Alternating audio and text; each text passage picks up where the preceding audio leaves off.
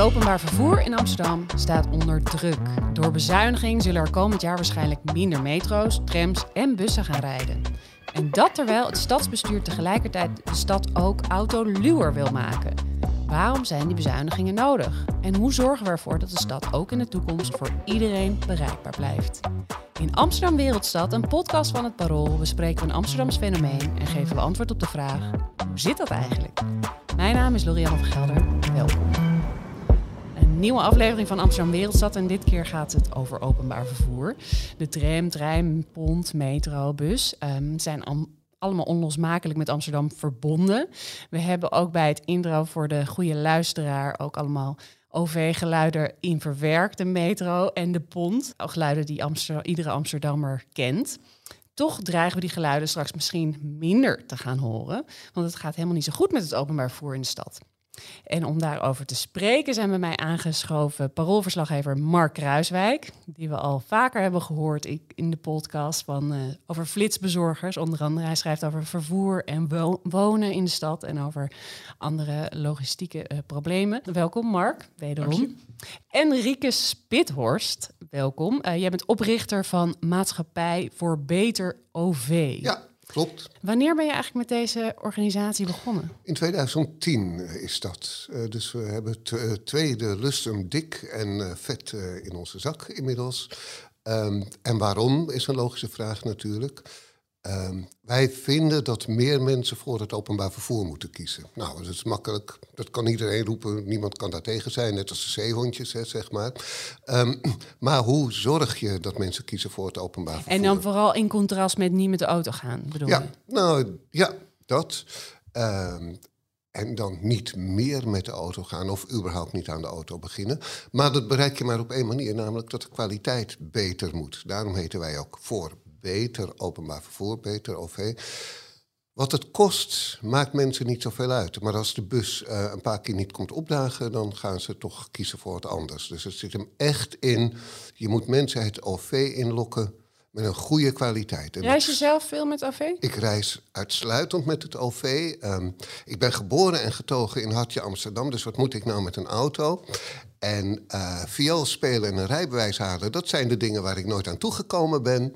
Um, en ik vind ook dat ik uh, namens mijn club best een grote mond mag hebben over het openbaar vervoer. Maar dan moet ik er zelf ook in zitten, anders weet ik niet gekomen? waar ik met het openbaar vervoer. Maar we zitten hier op de Jacob Bonsjesplaats. Tram 7 dus komt hier uh, in de buurt. 7. En waar moet je vandaan komen? Ik woon in de Pijp. Oké. Heb je een fiets? Ik heb geen fiets. Oké, het is echt alleen OV? Ja, of lopen. Of ik lopen. hou wel van lopen. Okay. Ik vind dat wel zen of zo. Maar uh, het OV kritisch kijken onderweg toch ook. Dat is net iets minder zen, maar wel nuttig. Oké, en wat doen jullie als uh, nou ja, stichting precies? Wij lobbyen vooral. Um, de wetgeving over openbaar vervoer zegt dat vervoerders en hun opdrachtgevers hele deftige overlegorganen moeten uh, organiseren. Wat je vaak ziet gebeuren, vooral bij de NS, is dat dan uh, consumentenorganisaties goede adviezen uh, uitbrengen die door de vervoerder vervolgens beleefd glimlachend terzijde worden gelegd. Dan ga ik liever gewoon een kopje koffie drinken met degene die erover gaat en het vooraf al regelen. En komen jullie altijd aan tafel? Ja. Oké. Was dat al vanaf het begin zo? Dat was vanaf het begin al zo. Um, de kunst is een beetje om best kritisch te zijn en soms ook wel streng. Maar wel te zorgen dat het altijd klopt wat je zegt. Daar scoor je echt punten mee bij iedereen eigenlijk. Dat geldt voor het hele leven. Doen jullie dan dus ook, ook onderzoek? voor het OV-leven. Um, wij, uh, wij varen op wat uh, reizigers ons melden. Um, en wij hebben een denktank van 15 mensen, die wonen door heel Nederland. Dus die zien allemaal in hun eigen regio hoe het gaat met het OV. En dat is een soort uh, trechter van informatie. Oké. Okay. En, en Mark, jij hebt voor je werk regelmatig contact met Riekes. Hadden jullie elkaar al wel eens live ontmoet? Nee, dit was de eerste keer. Ik spreek Riekes uh, al een jaar of uh, acht, negen, denk ik. Uh, soms twee keer in de week en soms twee maanden niet. Uh, maar dit is de eerste keer dat wij elkaar net echt zien. Ik, ik bel Riekes omdat hij er inderdaad veel van weet en omdat hij ook uh, kritisch is. Dat, is uh, dat is altijd fijn voor een journalist. En waarom is het belangrijk dat het organisaties zoals Beter OV bestaan? Nou ja, omdat als dit soort organisaties er niet zouden zijn... je hebt ook Rover, hè, dat is ook een organisatie die opkomt voor de belangen van de reiziger... Uh, Riekes is heel goed in Amsterdam, dus die weet van de hoed en de rand. Als, dit soort als, als je het aan bedrijven overlaat, dan kan de reiziger er wel eens bekaaid van afkomen. Dat het OV beter kan, is ook een reden waarom we hier überhaupt zitten. Want um, er is net door verkeerswethouder Melanie van der Horst, in ieder geval in Amsterdam, aangekondigd dat het OV-netwerk in Amsterdam 20 tot 30 procent uh, ja, moet inkrimpen, omdat uh, bezuinigd moet worden. Ook andere steden hebben hiermee te maken. De coronasteun van de Rijksoverheid houdt op.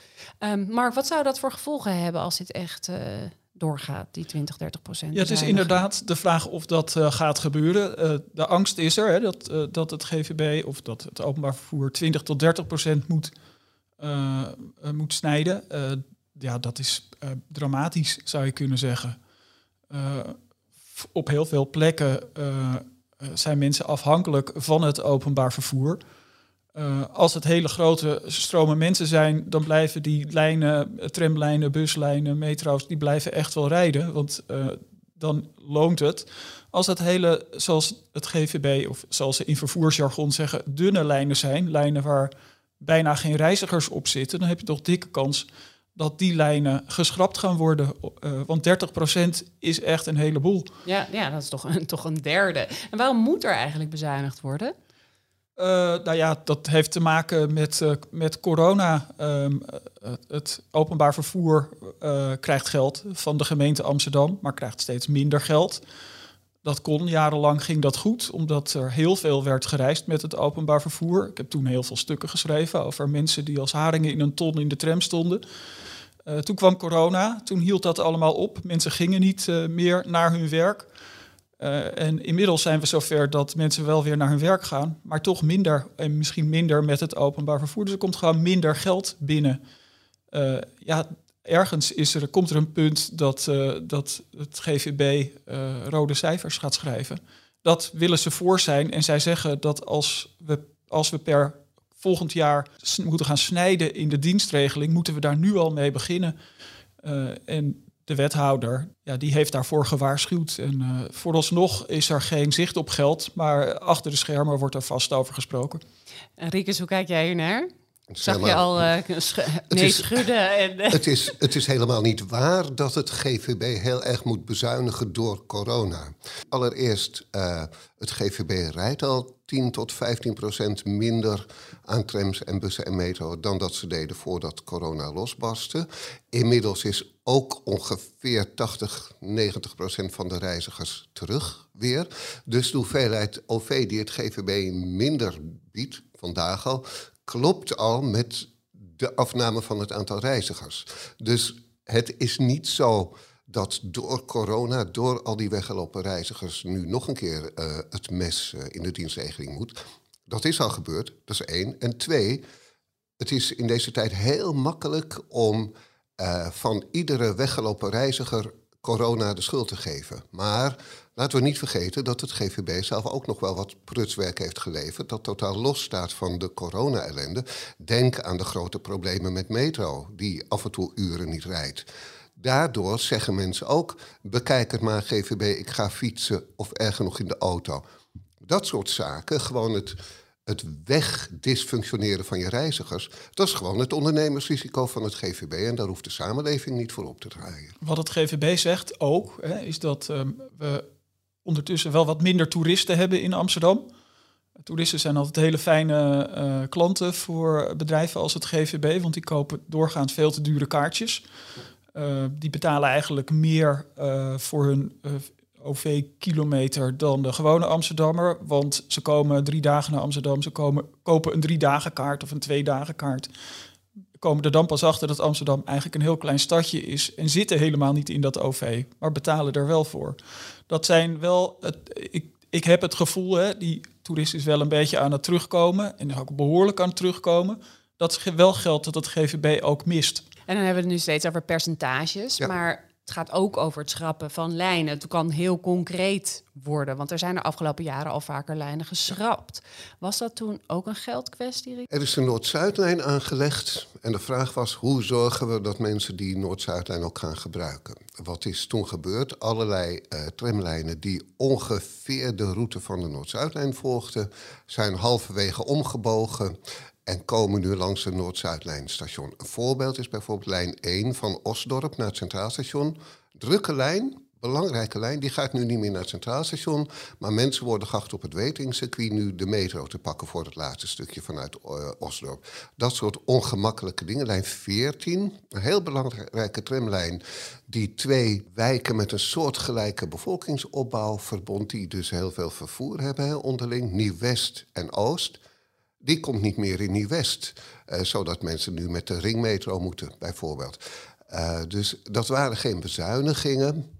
Dat was meer om de Noord-Zuidlijn vol te krijgen. En per saldo het, de hoeveelheid uren dienst, hè, zeg maar, gelijk te houden. Maar dat is iets anders dan echt een bezuiniging. In 2018 is die Noord-Zuidlijn geopend.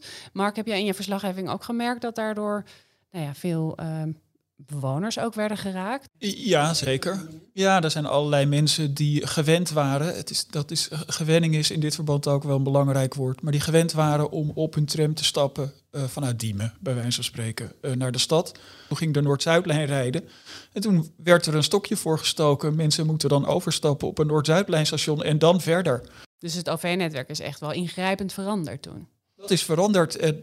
Amsterdam stond bekend om zijn fijnmazige netwerk. Hè. Je kan redelijk tot in de haarvaten van de stad komen met het openbaar vervoer. Dat is wel minder geworden doordat die Noord-Zuidlijn is gaan rijden.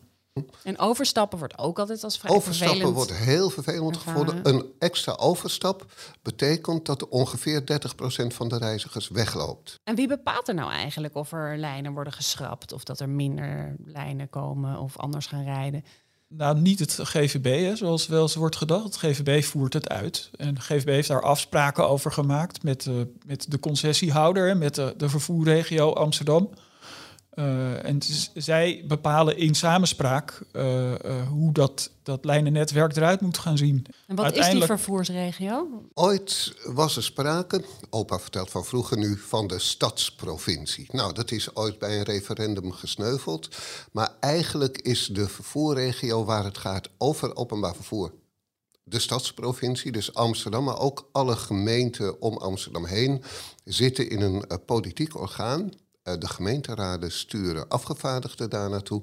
En die beslissen als een opdrachtgever over het openbaar vervoer in de hele regio. Dus niet alleen in Amsterdam, maar ook wat Connection in Amstelveen of Purmerend doet bijvoorbeeld. Dus ook EBS. Hoofddorp en ja. Purmerend en, ja. en, Amstelveen horen erbij. Dus grofweg van, haar, van bijna Haarlem tot bijna Almere, van uh, bijna Alkmaar tot bijna nou, zuidelijk van Aalsmeer. Amsterdam is daar natuurlijk de, de grote uh, partijen, hè, de grote gemeente. En de verkeerswethouder van Amsterdam is voorzitter van die uh, vervoerregio. Dus Amsterdam heeft een, uh, een, wel een dikke vinger in de pap. Um, maar gaat ook niet helemaal alleen over wat er gebeurt en wanneer met lijnen. En wie bekostigt dan het Amsterdamse OV? Een deel komt nog uit rijkssubsidie en een deel wordt uh, opgebracht door uh, reizigers. Dus gewoon door in- en uitchecken met je OV-chipkaart. Het was altijd 50-50. Uh, eh, maar het GVB heeft ooit heel stoer gezegd: wij hebben helemaal geen subsidie meer nodig. Daar hebben ze nu een beetje last van natuurlijk. dus je ziet wel een verschuiving van steeds minder rijksbijdrage en steeds meer reizigersopbrengsten. Ik denk dat het nu 40, 60 is of misschien 30, 70, zoiets. En Mark, in het coalitieakkoord staat dat Amsterdam komende jaren wil inzitten op juist weer autoluwe straten. Is het niet heel tegenstrijdig dat het OV-netwerk dan verschaalt en dat we ook minder auto's willen? Dat is uh, heel tegenstrijdig, uh, inderdaad. Um, je hebt daar natuurlijk gewoon last van als je uh, allerlei wijken bouwt waar je ongeveer geen auto meer voor je deur kunt parkeren. Maar dan moet je ook wel zorgen dat mensen alternatief vervoer hebben. En openbaar vervoer zou dan nog beter geregeld moeten worden. Uh, wat je ziet is dat het uh, echt niet beter wordt. Dus, je, dus dat is zeer tegenstrijdig. Dat autoluwe beleid en tegelijkertijd, uh, nou ja, steeds maar met de stukjes van dat OV-netwerk afschaven. Dreigen er nou plekken echt onbereikbaar te worden in de stad? Nou, dan moet je het zonder even, auto of fiets? Ja, moet je het even hebben over wat bereikbaar is. Hè? Ehm, er komt geen bus of tram meer in jouw buurt, dat is onbereikbaar. Maar wat ook onbereikbaar is, dat je moet overstappen en onderweg nog een kwartier ergens in de druilerige regen op een slecht beschutte halte staat te wachten. Dat vinden wij ook onbereikbaar. Het gaat over, kan je in een redelijke tijd van plek, van plek 1 naar plek 2 komen? En dan luidt de conclusie dat veel stukken van Amsterdam onbereikbaar zijn. Of beter gezegd, dat veel verbindingen uh, onbereikbaar zijn. Een voorbeeld, nou, ik woon zelf in de Pijp, um, maar ik moet vaak in de Spaandammenbuurt zijn. Dan is de route met een bus naar het Centraal Station en dan met de tram naar huis.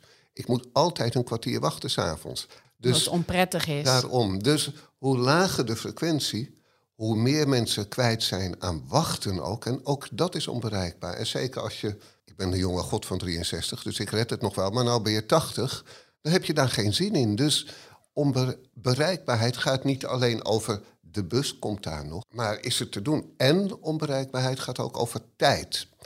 Uh, het GVB dreigt ook met het opheffen van de nachtbussen. Hè. Voordat de nachtbussen kwamen, begon het openbaar vervoer niet om zes uur s morgens, maar om vijf uur s morgens. En het ging door tot een uur of één s'nachts.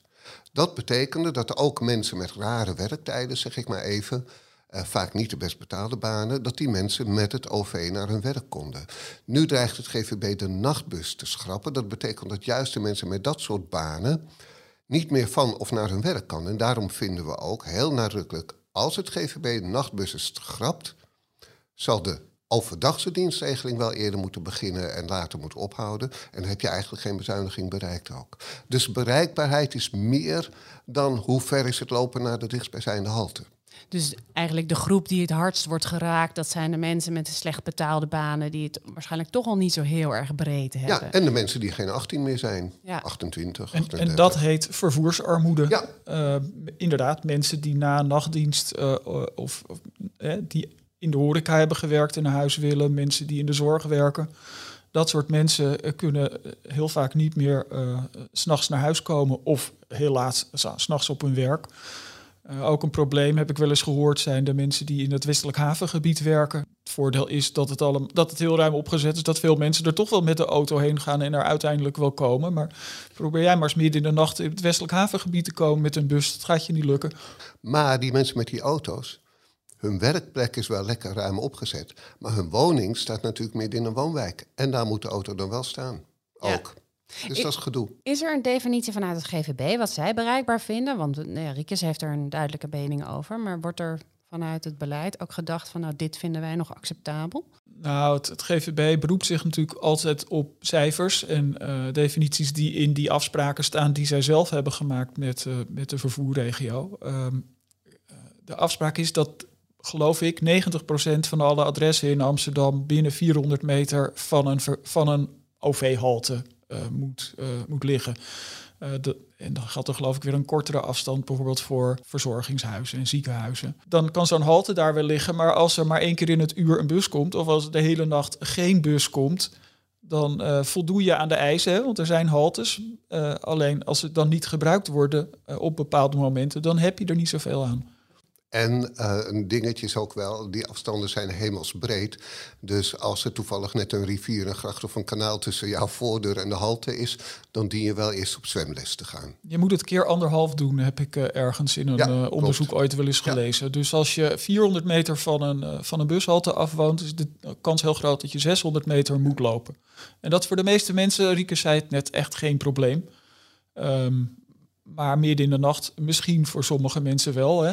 En dan heb je, zoals Rieke al zei, ook mensen die gaan slechter been zijn of oud. Ja, dan is 600 meter lopen echt onoverkomelijk. En maak je dus eigenlijk uh, een plek onbereikbaar. Wat moet er gebeuren om te voorkomen dat die vervoersarmoede verergert? Het GVB moet gewoon de daad bij het woord voegen en gewoon doen waar ze ooit op hebben ingeschreven bij de uh, vervoerregio. Gewoon doen wat ze beloven. En mocht het zo zijn dat het GVB dit niet kan bieden, deze kwaliteit, deze hoeveelheid OV, is wat mij betreft het ook geen verbod op het aanbesteden en kijken of een ander bedrijf het dan wel kan. Wat ons betreft is het GVB niet heilig. Er zijn ook wel eens ondernemers geweest die het heft in eigen hand namen. Er is een ondernemer bij het Gelderlandplein in Buitenveldert die een busje heeft bekostigd. Uh, dat, is al, dat is al een paar jaar zo. En, uh, ik heb er ook, ik heb het even uitgezocht. Dat werkt best goed. Um, Hoe werkt dat precies? Er reed een bus door Buitenveldert. Um, die bus is geschrapt. Uh, dus uh, allerlei haltes werden vervolgens niet meer aangedaan door die bus. Toen heeft de, de eigenaar van het winkelcentrum Gelderlandplein het GVB opgebeld en die heeft een, een, een, dienstregelingetje gemaakt waarbij er een busje heen en weer reed in het begin tussen station Zuid, de Zuidas, waar heel veel mensen werken die in de lunchpauze wel even naar het Gelderlandplein willen. Uh, met een paar lusjes erin, zodat ook de oudere mensen in Buitenveldert overdag van, uh, van hun huis naar het, naar het winkelcentrum konden gaan. Dus de ondernemer heeft hier de buslijn bekostigd. Het GVB levert de, de, de chauffeurs. Dat heet publiek-privaat. Het GVB is er eigenlijk geen geld aan kwijt, behalve dan dat de bestuurders betaald moeten worden. Uh, en dat, uh, dat werkt volgens mij best goed. Ik zie hem vaak rijden, dat busje. En ik zie er eigenlijk vaak wel mensen in zitten. En ik zie er typische Zuidas mensen uitkomen die in de lunchpauze even naar het Gelderlandplein gaan. Maar ook oudere dames die naar het winkelcentrum gaan. Toch gaat Amsterdam ook heel erg groeien de komende tijd.